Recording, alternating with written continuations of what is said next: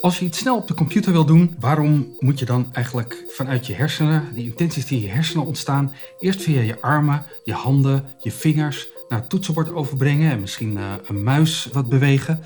Uh, die dan vervolgens via een draadje elektrische signalen sturen naar een computer. En die computer die gaat dan vervolgens die opdracht uitvoeren die jij in je hoofd al bedacht had. Dat lijkt niet heel erg logisch. Het zou handiger zijn om direct vanuit je hersenen naar de computer te gaan.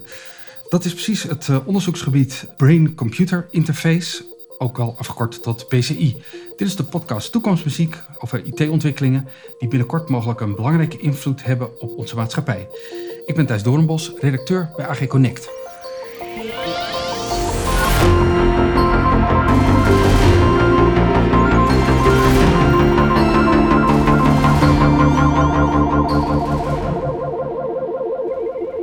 Praat zo met Nick Ramsey. Hij is uh, hoogleraar Cognitive Neuroscience aan het UMC Utrecht en specialist in BCI.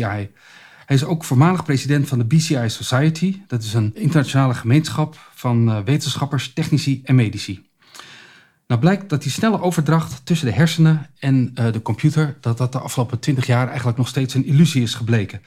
Maar er zijn wel andere toepassingen. Later schrijft aan Ivo de la Rive Box. Hij is medeoprichter van Mind Effect. Dat is een start-up die praktische toepassingen uh, maakt op basis van BCI. Ja, het klinkt uh, wat creepy misschien, het uh, aansluiten van een computer op, op de hersenen. want uiteindelijk gaat het natuurlijk toch om dat ja, zo'n systeem je gedachten gaat lezen. Want die moet toch bepalen waar jij met je hoofd die, die cursor naartoe wil hebben. Of die vingers op het toetsenbord.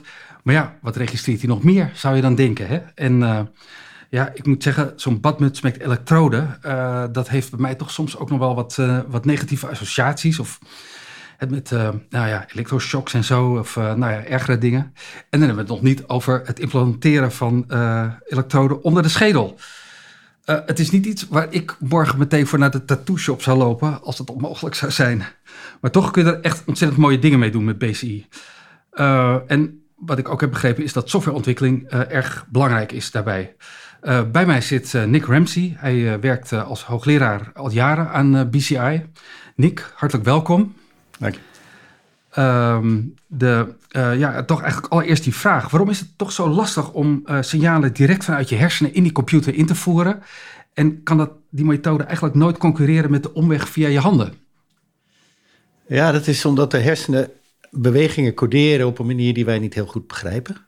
Uh, we lezen het af. Ik, ik zeg altijd maar ja, wat wij zien aan de hersenen is een beetje te vergelijken met de wind die je meet aan de kant van een snelweg.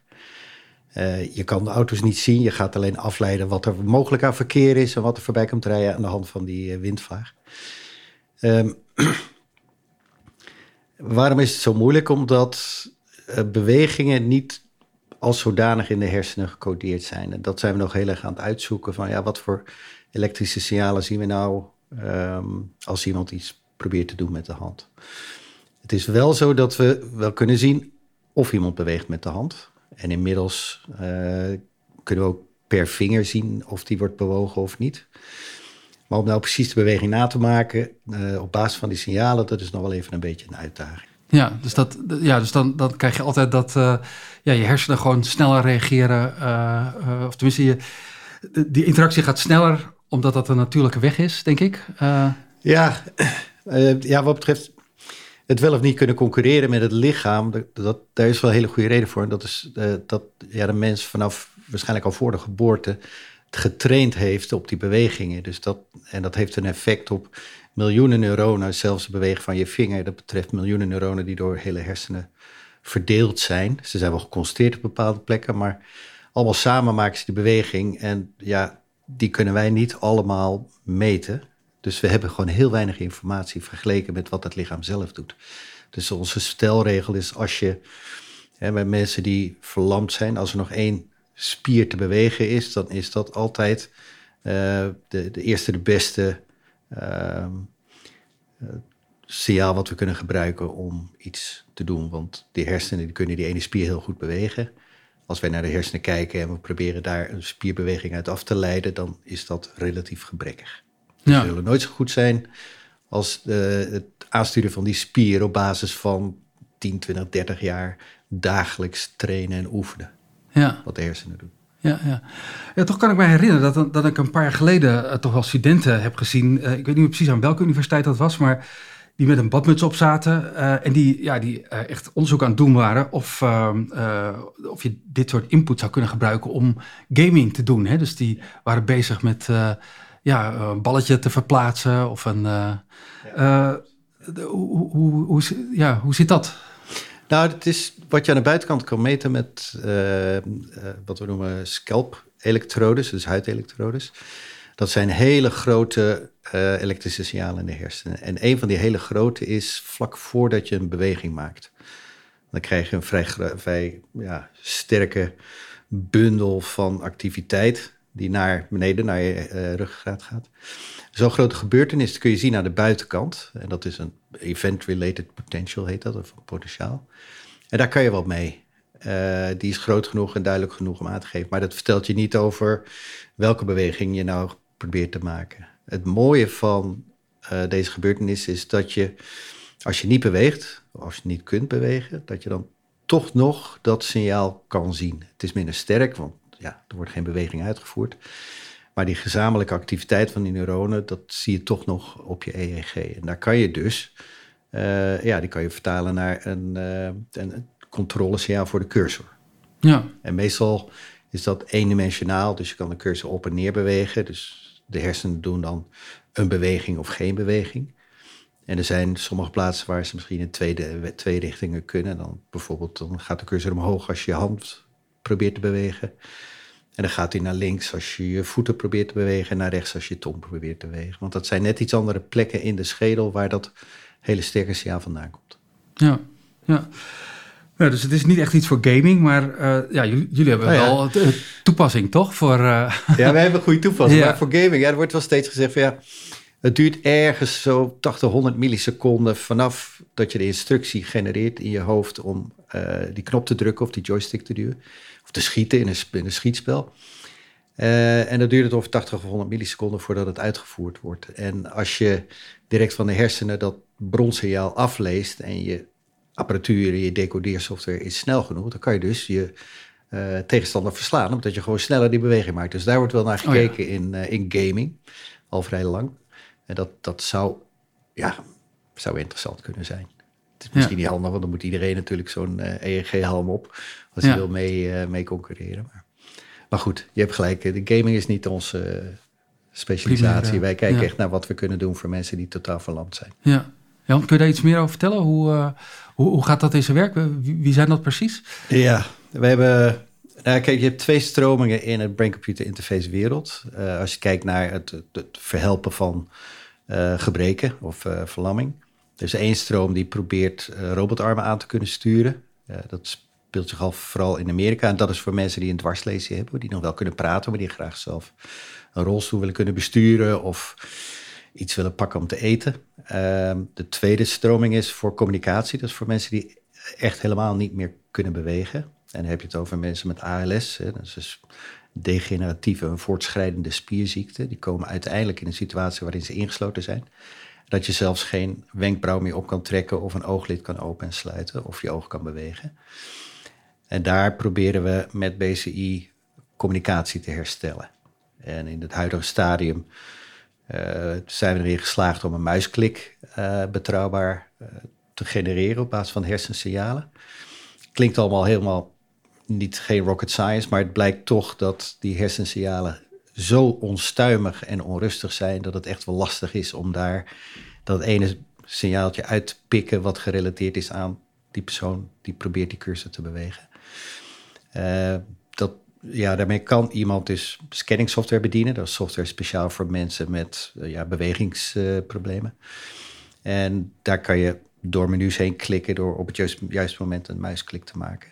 Uh, dat noemen we scanningsoftware, omdat één voor één elk icon of elke toets op een virtueel toetsenbord oplicht. En als je een klik maakt, dan wordt de icon die oplicht, uh, die wordt ingedrukt. En dan ga je het volgende menu in. En zo kan je ook letters spellen op een toetsenbord heel bazaal. Maar wat we nodig hadden, en daar zijn we in geslaagd uh, om dat zo goed werkende te krijgen dat de eerste gebruikster er nu eigenlijk bijna volledig van afhankelijk is. Zij heeft ALS. Ze heeft het systeem nou vijf en een half jaar, bijna zes jaar. En zij gebruikt hem gewoon zonder dat Ja. wij erbij nodig zijn. Hè. Dus eh, ja, dat, dat noemen wij thuisgebruik. En dat moesten we eerst aantonen voordat we fabrikanten zover kunnen krijgen dat ze die hele dure implantaten gaan maken. En eh, dat er genoeg vertrouwen is dat dit een begaanbare weg is. En waar we uiteindelijk willen belanden, is dat we spraak kunnen decoderen. Dus hardop in je hoofd spreken, dat we dat om kunnen zetten in een computerstem. Ja, oké. Dat is heel zou- dat zou heel mooi zijn. Ja, Dat is heel mooi, het heel ambitieus. Maar. Dat, dat is wel het doel. En dat is een snel groeiende groep laboratoria die zich daarop richt in zowel Europa als eh, Amerika. ja. Nou, eh hadden we het net al over dat eh, ja, je hebt de, de, badmuts en, en de implantaten. En nou ja, ik heb van jou begrepen dat, dat, dat jullie eigenlijk vooral aan die implantaten werken. Kun je uitleggen waarom jullie kiezen voor die implantaten en niet voor die, die, die ja, zo'n headset? Ja, weet je, twee derde van onze grijze stof, dat zijn eigenlijk die delen van de hersenen die alle berekeningen en de instructies eh, regelen. We noemen die de chips van, eh, van de hersenen. En dan heb je nog heel veel witte banen, dat zijn meer de verbindingen tussen de chips. Maar twee derde van die grijze stof ligt aan de oppervlakte en daar kunnen we dan bij als we een gaatje in de schedel maken. En moet je voorstellen dat eh, ja, de hersenen zo ongekend gedetailleerd zijn aan de oppervlakte, dat, dat je als het ware patronen kunt herkennen op de oppervlakte. En neuronen die zijn heel klein. Je hebt per, vierkante millimeter, per kubieke millimeter heb je 100.000 neuronen. Dat zijn er veel. En, maar je hebt groepjes van neuronen die ongeveer hetzelfde doen. Want als alle neuronen verschillende dingen zouden doen, dan hebben wij geen camera of elektrode die dat goed genoeg kan detecteren. Eh, dus wij kijken naar groepjes neuronen. Het is eigenlijk een soort van te vergelijken met een display. Alleen die patronen, die moet je eerst identificeren. Van welk patroon treedt erop als iemand eh, het woord, de letter P wil zeggen. En dat patroon moet zich ook onderscheiden van de verschillende andere letters. En dan kom je al vrij snel bij machine learning techniek om te kijken van nou, welk groepje van die neuronen ehm, is betrokken bij de ene letter en niet bij de andere letter. Dus, ehm, omdat dat allemaal zo gedetailleerd is, moet je er echt met je elektrode bovenop zitten. En als je dan buiten de schedel zit, dan zit je anderhalf centimeter daarvan af. En je kunt je een elektrode voorstellen als een breedbeeldcamera. Mhm. En als je ergens met die breedbeeldcamera een stukje vanaf zit, dan zie je heel veel, maar geen detail. Ja, En als je dat detail wil zien, dan zal je echt vlak bovenop die oppervlakte willen zitten. Dan heb je hele mooie detail. En vlak boven die oppervlakte is onder de schedel. Daar ontkomen we echt niet aan. ja, Er is geen methode die elektriciteit door de schedel met enige nauwkeurigheid kan eh, meten. ja, ja. Ja, dat kan misschien veranderen in de toekomst, maar voorlopig Ja. niet. We hebben wel MRI-scanners en, en wat we noemen magnetoencefalografie. Maar dat zijn hele grote apparaten, super gekoeld. Dat, Ja. dat is geen thuisgebruik. Nee, nee, daar kun je niet mee over straat lopen of eh, Nee. niet eens in Nee. een ruimte eh, gewoon... eh, nee, nee, inderdaad, niet voor thuis. eh, nee, nee. Dus als je enig, weet je, als je... of de betrouwbaarheid van het signaal. dat betekent dat die elektrode, als die onder de schedel zit, dan heeft hij ook heel weinig last van omgevingselektrische verstoringen. Dat heb je met EEG wel heel, heel veel last van. Dus die oppervlakte. Ehm,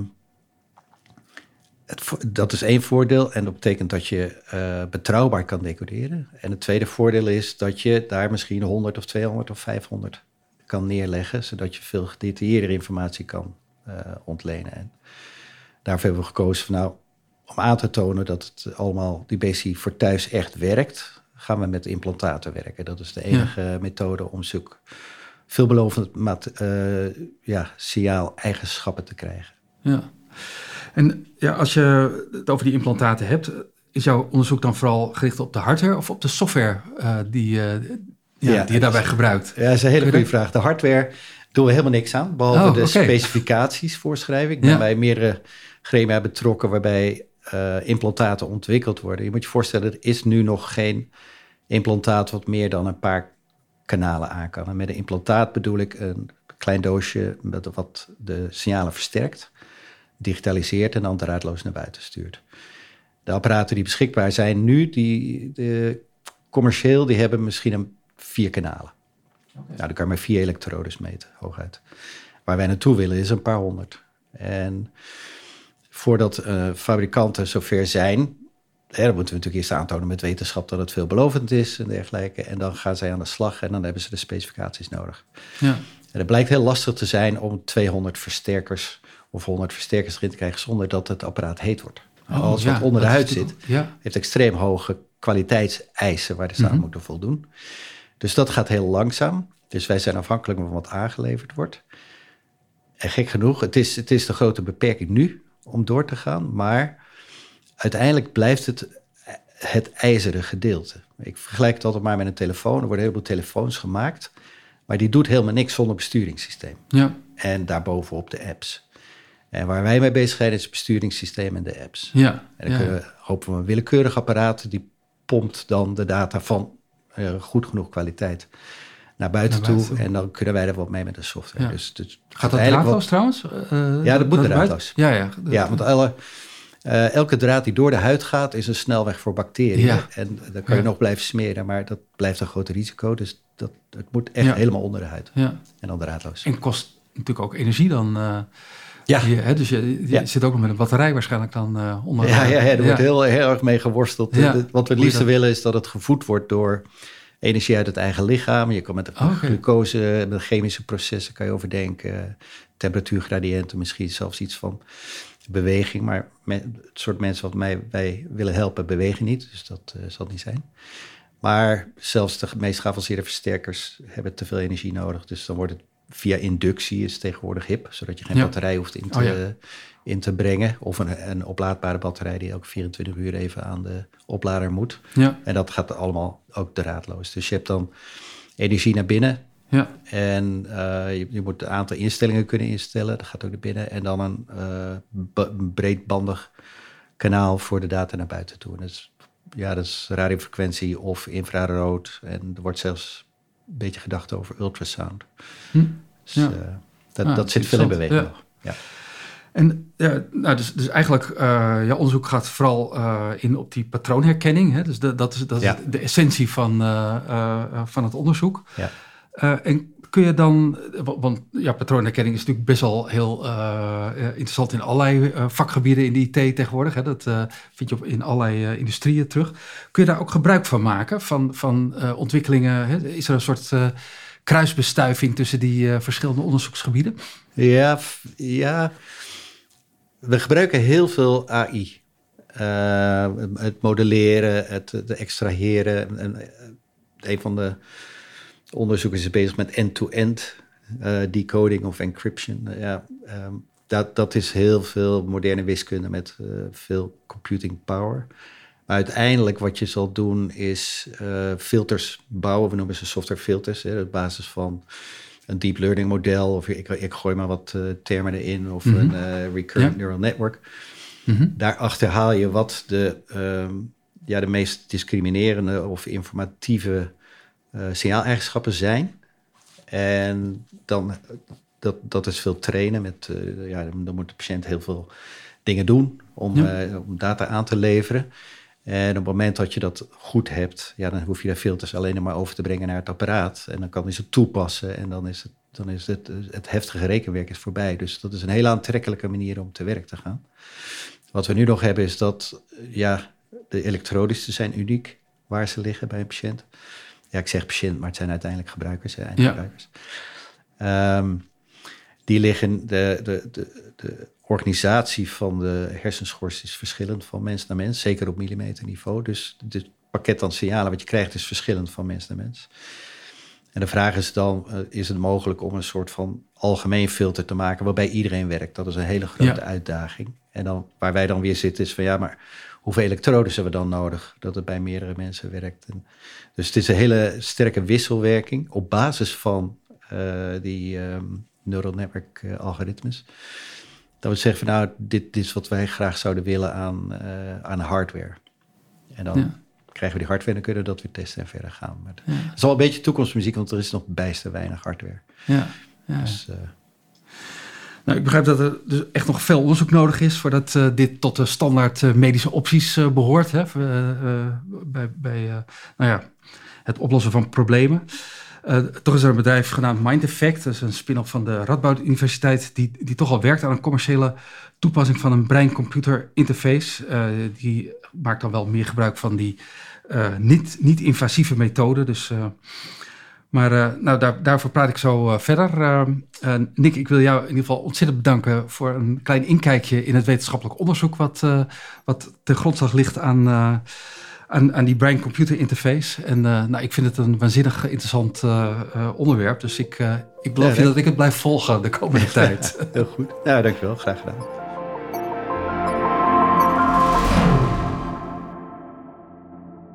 Oké, aangeschoven is Ivo de la Rive Box, medeoprichter van Mind Effect.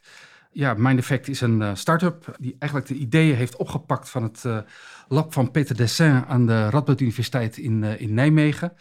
Ja, zij richt zich vooral op, op toepassingen van brain-computer interfaces en dan vooral op de niet-invasieve methode. Dus zeg maar even plat gezegd, de badmuts met, met, met elektroden erop. Ivo, reuze fijn dat je er bent.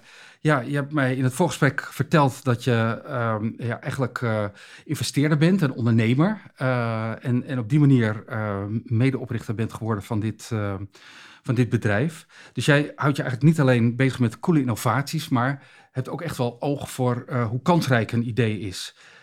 Kun je uitleggen waarom dit idee je aansprak? Want het is best wel een heel lastig onderwerp. Zeker, en misschien is dat ook wel de reden waarom aansprak. Um, maar ik werd in het eh, voorjaar van 2017 gebeld door mijn vrienden van NLC. En NLC is een venture builder in health tech. Dus wat zij doen is zij zoeken uitvindingen, bijvoorbeeld bij universiteiten of bij artsen, uh, die de markt normaal gesproken niet gaan bereiken, uh, omdat een arts of een professor andere belangen heeft in, in zijn leven dan onderneming starten. En daar zoeken ze een ondernemer bij om er een echt bedrijf van te maken en zodanig ook patiënten te kunnen helpen. Um, ik werd door ze gebeld Ehm, en ze zeiden van, ja, we weten dat jij met iets anders bezig bent, maar zou je er in ieder geval open voor willen staan voor het volgende wat we je gaan vertellen? En toen vertelden ze mij dat er dus een uitvinding was dat we een computer konden aansturen met breinsignalen door middel van knipperpatronen waar je met oog naar moest kijken. Nou, ik was echt niet bewust van het feit dat we zo ver al waren als mensheid dat je gewoon zeg maar, op afstand, op breinsignalen een computer kon aansturen. Want jij, jij kwam niet uit die wereld, begrijp ik. Uh, nee, ik kwam het geheel niet uit die wereld. Ik eh, was bezig met de energiebesparingen. Oh, oké, okay, ja, dat is wat anders. En, um, en het liet me niet los. Dus ik zat in, uh, op die mooie meidag uh, in de trein weg terug naar huis.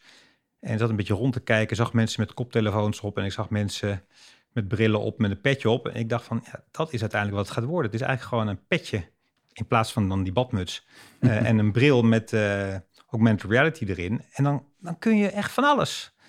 En um, nou, dat van alles, dat gaan we wel zien wat dat wordt. En ik ga ervan uit dat we dat gaan vinden en dat we daar uiteindelijk uh, al het vooronderzoek mee kunnen financieren. En zolang we daarmee bezig zijn, kunnen we in ieder geval locked-in patiënten helpen met een nood die ze nu hebben en waar de technologie nu voor beschikbaar is. Dus op die manier heb ik er toen naar gekeken. Ja. Ja, van, van Nick uh, begrepen we net dat, uh, ja, dat, dat die niet-invasieve methode wel lastiger is om, om signalen op te pikken. Waarom ja, dan, dan toch dit bedrijf rondom dat idee? Ja, het is inderdaad lastig om voldoende signaal te krijgen aan de buitenkant. Um, maar ook met EEG aan de buitenkant krijg je signaal. En dus de vraag is of het, uh, de applicatie die je nastreeft rechtvaardigt om een hersenoperatie te doen om veel beter en meer signalen te krijgen. Of dat je ook voldoende hebt aan de bandbreedte die je kunt krijgen door je signaal aan de buitenkant te meten. En in ons geval, uh, met onze algoritmes lukt het om met simpele EEG-data uh, voldoende informatie te verkrijgen om te kiezen uit de 26 letters van het alfabet. Oké. Uh, dus in dit geval heb je ook de ethische vraag: um, als het aan de buitenkant kan, waarom zou je dan mensen moeten opereren? Maar ik zie het meer in lijn met zeg maar, een lange termijn beeld. Um, we weten nu nog niet wat we zouden doen met die betere interface tussen brein en computer die je zou kunnen maken als je elektrodes in de hersenen zet. Um, maar om erachter te komen kunnen we niet allemaal elektrodes in hersenen gaan plaatsen en daarmee onderzoek doen. Uh, je kunt wel onze hersenen al laten wennen aan het feit dat ze een interface met de computer hebben, door niet-invasieve methodes te gebruiken en te gaan zoeken naar die applicaties uh, die op die manier al zouden kunnen. En dan TZT, dan uh, wordt het allemaal mooier en beter. En dan kunnen we misschien bedenken waarom we het normaal vinden om elektrodes in onze hersenen te laten plaatsen. Ja. Ja, nou ja, en blijkbaar zijn jullie niet de enige, want uh, nou ja, Elon Musk is een, een goed voorbeeld. Hè? Die, die, die heeft, uh, uh, nou, wel hij wel vooral ook naar invasieve methoden kijkt. Hè? Ja, dus ik even ja dus Elon Musk die stelt het heel simpel. Die zegt van, wij moeten als mensheid betere interface met onze computers hebben, want anders gaan de computers alles voor ons bepalen. En we hebben al interface met onze computer, want we kunnen met twee duimen onze telefoon invullen, of een toetsenbord of een muis kunnen we de computer allemaal dingen laten doen, of met spraak. Maar het gaat allemaal zo langzaam. En dus moeten er snellere interfaces komen. Dat is waar hij met invasieve methoden naar kijkt. Maar ook hij zegt nog niet wat we gaan doen met die snellere interface met computers. En dat is precies waar we met elkaar achter moeten gaan komen. Ja, ja. Maar er zijn nog wel wat andere bedrijfjes, hè? zoals, uh, uh, ja, ik weet het in de VS bijvoorbeeld het bedrijfje Emotive. En er, er zijn nog wel meer. Uh, Emotive die maakt op zijn website ehm, toepassingen, hè, draait, dat draait om toepassingen die gericht zijn op, op attentie, hè, op, op concentratie. Dat je meet van mensen, pubers in een kla klasje of zo, of, of werknemers tijdens hun werk. Um, ja, denk jij dat dat mind effect ja, zeg maar in dezelfde de richting gaat? Of, of zij zijn mind effecten snel af? Kun je, kun je een beetje iets vertellen over die verhouding? Ja, ze zijn al zeker niet te snel af, want wij hebben dankbaar gebruik gemaakt ook in vroege fases van hun headsets. Okay. Dus wat zij met name doen, is zij hebben um, een stap gezet om goedkopere EEG-meetapparatuur te maken. Oké. Okay. Dus, dus vooral op de hardware. Dus het is met name een hardware en dan om die hardware te verkopen moet je natuurlijk laten stellen wat je ermee zou kunnen. Dus geef ze een aantal voorbeelden. En, nou, dus dat is wat zij met name doen. Um, voor ons betekent het, goedkope hardware is dus mogelijk. Dus laten we gewoon kijken, hoe kunnen wij onze applicatie uh, zo goedkoop en robuust krijgen, uh, dat het ook naar een patiënt kan. Dus in die zin zijn ze meer voorbeeld geweest dan dat ze ons snel af waren of iets anders. Um, ik denk wel dat zij met hetzelfde dilemma zitten als ik nu. Dat je heel enthousiast aan iets begint, omdat een brain-computer interface gewoon extreem cool lijkt. En je denkt, het, het is haalbaar binnenkort. En dan heb je de basisonderdelen gemaakt. En dan blijkt je daarna niet precies te weten hoe je er geld mee moet verdienen. Um, en in hun geval is dus ook het verkopen van headsets aan andere partijen zoals wij, onderzoekers, et cetera. Um, ja, en dan deels doe je dat op toepassingen, deels maak je het mogelijk voor anderen om toepassingen te verzinnen. Ja, ja. Ja, je, je zei al dat uh, um, er eigenlijk een killer app nodig was. Hè? Dat, daar zei, uh, dat zei je in ieder geval in het voorgesprek, hè? Dat, dat dat een beetje uh, het, uh, het wachten was. Ja, nou, je ziet natuurlijk heel vaak hè, dat, dat, dat met dit soort nieuwe uitvindingen dat je ja, zo'n soort hype cycle hebt. Hè? Gartner heeft er altijd mooie plaatjes van. waar verwacht jij eigenlijk dan die toegevoegde waarde? Heb je daar ideeën over? Of... Ja, nou, wij zijn heel duidelijk van start gegaan met dat we de technologie wilden bewijzen met het oorspronkelijke case van de locked-in patiënt, die dus volledig ingesloten is in zijn lichaam, niet meer kan communiceren. En dat we dat op deze manier weer zouden kunnen ontsluiten. Um, we hebben daarmee ook echt één patiënt in België kunnen helpen.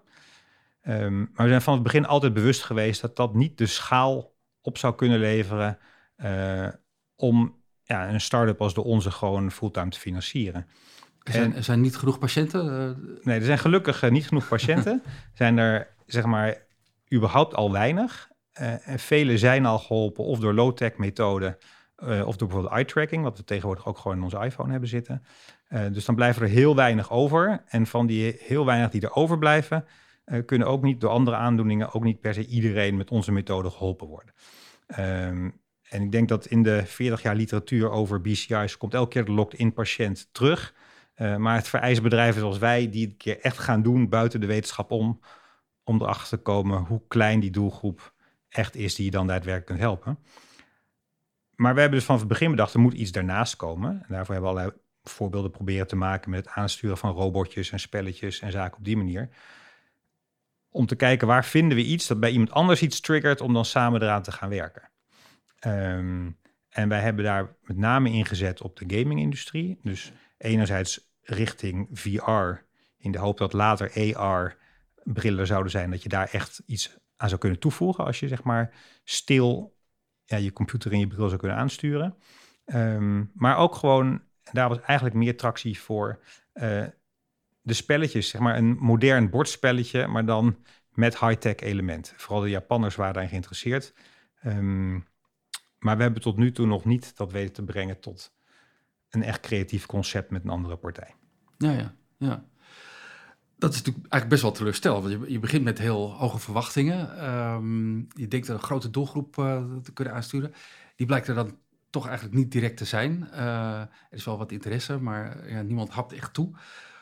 Hoe, hoe, moet dat dan nu verder met, met Mind Effect? Wat, wat is jullie doel nu op dit moment? Uh, jullie werkwijze? Ja, het is natuurlijk super teleurstellend. Um, en ik ben uitermate goed geworden in het killen van allerlei ideeën op basis van het kan ook met een knopje of het kan ook met spraak. Um, maar het is een beetje inherent um, in het start-up leven. En zeker als je in ja, wat dan deep tech heet, waar je ver vooruit moet kijken. Dat je technologie aan het ontwikkelen bent waar de oplossing nog niet echt, of waar het probleem er nog niet echt voor gezien wordt. zo was ik erg gerustgesteld om te zien dat de transistor bij Bell Labs zeven jaar op een plank heeft gelegen. Ja, dat, uh, het heeft ons even gekost om te bedenken wat we daarmee konden, maar uiteindelijk uh, wordt het veel gebruikt. Dus ik denk dat het bij de brain-computer interfaces uh, ook geldt. Um, wat wij nu doen is kijken van waar kan de kennis die we in ons team hebben en de algoritmes die we hebben, zou die ingezet kunnen worden op een andere manier, op problemen die er nu echt bestaan. Um, en we zien dat daar gewoon zeker aandacht voor is uh, op het gebied van de meer objectieve meetmethode van, um, van je hersenen uh, op gehoor en op zichtbasis. Dus je kunt je voorstellen dat als je nu een gehoortest doet, uh, dan geef je zelf aan aan de dame aan de andere kant van het bureau of je de piepjes nog hoort. Uiteindelijk zit daar natuurlijk een hoge mate van subjectiviteit in. het zou mooi zijn als je gewoon een koptelefoon op zou kunnen krijgen. En er worden allerlei piepjes aan je oren gegeven en we kunnen dat echt meten. Uh, en dus op dit moment zijn we daar aan het kijken. Uh, het gekke is, we, we, gebruiken onze algoritmes maar voor de helft. Uh, maar wellicht uh, kunnen we daar wel een commercieel model mee vinden. En, ehm, ja, en wordt die technologie doorontwikkeld. En ook we hebben dus onze oplossing voor locked-in patiënten open source beschikbaar gemaakt. Dat betekent dat ook mensen die niet met locked-in patiënten bezig zijn, de technologie op kunnen pakken en kijken wat, wat ze ermee gaan doen. in de hoop dat daar de creativiteit toegevoegd wordt aan de technologie. En dat we zo uiteindelijk als mensen het er baat bij hebben. Ja, ja. Nou, als ik het zo hoor, dan, dan zit die toepassing van die brein-computer interfaces er wel aan te komen. Maar het is nog uh, wat onduidelijk wanneer nou precies die doorbraak gaat komen. Nou, Ivo, heel hartelijk dank voor jouw toelichting. Uh, ik, uh, ja, ik vind het een reus interessant onderwerp. Ehm, ik sprak daar ook vandaag met Nick Ramsey van de Universiteit Utrecht, of eigenlijk het UMC Utrecht, vertelde hij me. En uh, met Ivo de la Box van Mind Effect. Uh, nou, dankjewel. Hartelijk dank voor het luisteren naar deze aflevering van de podcast Toekomstmuziek van AG Connect. Vond je het interessant? Kijk dan ook eens door de lijst met andere podcasts van AG Connect. Ook kun je op de site van AG Connect, www.agconnect.nl, meer artikelen vinden over dit onderwerp. Ben je nog geen abonnee? Dan is daar ook de mogelijkheid om een gratis proefabonnement af te sluiten. Tot de volgende aflevering.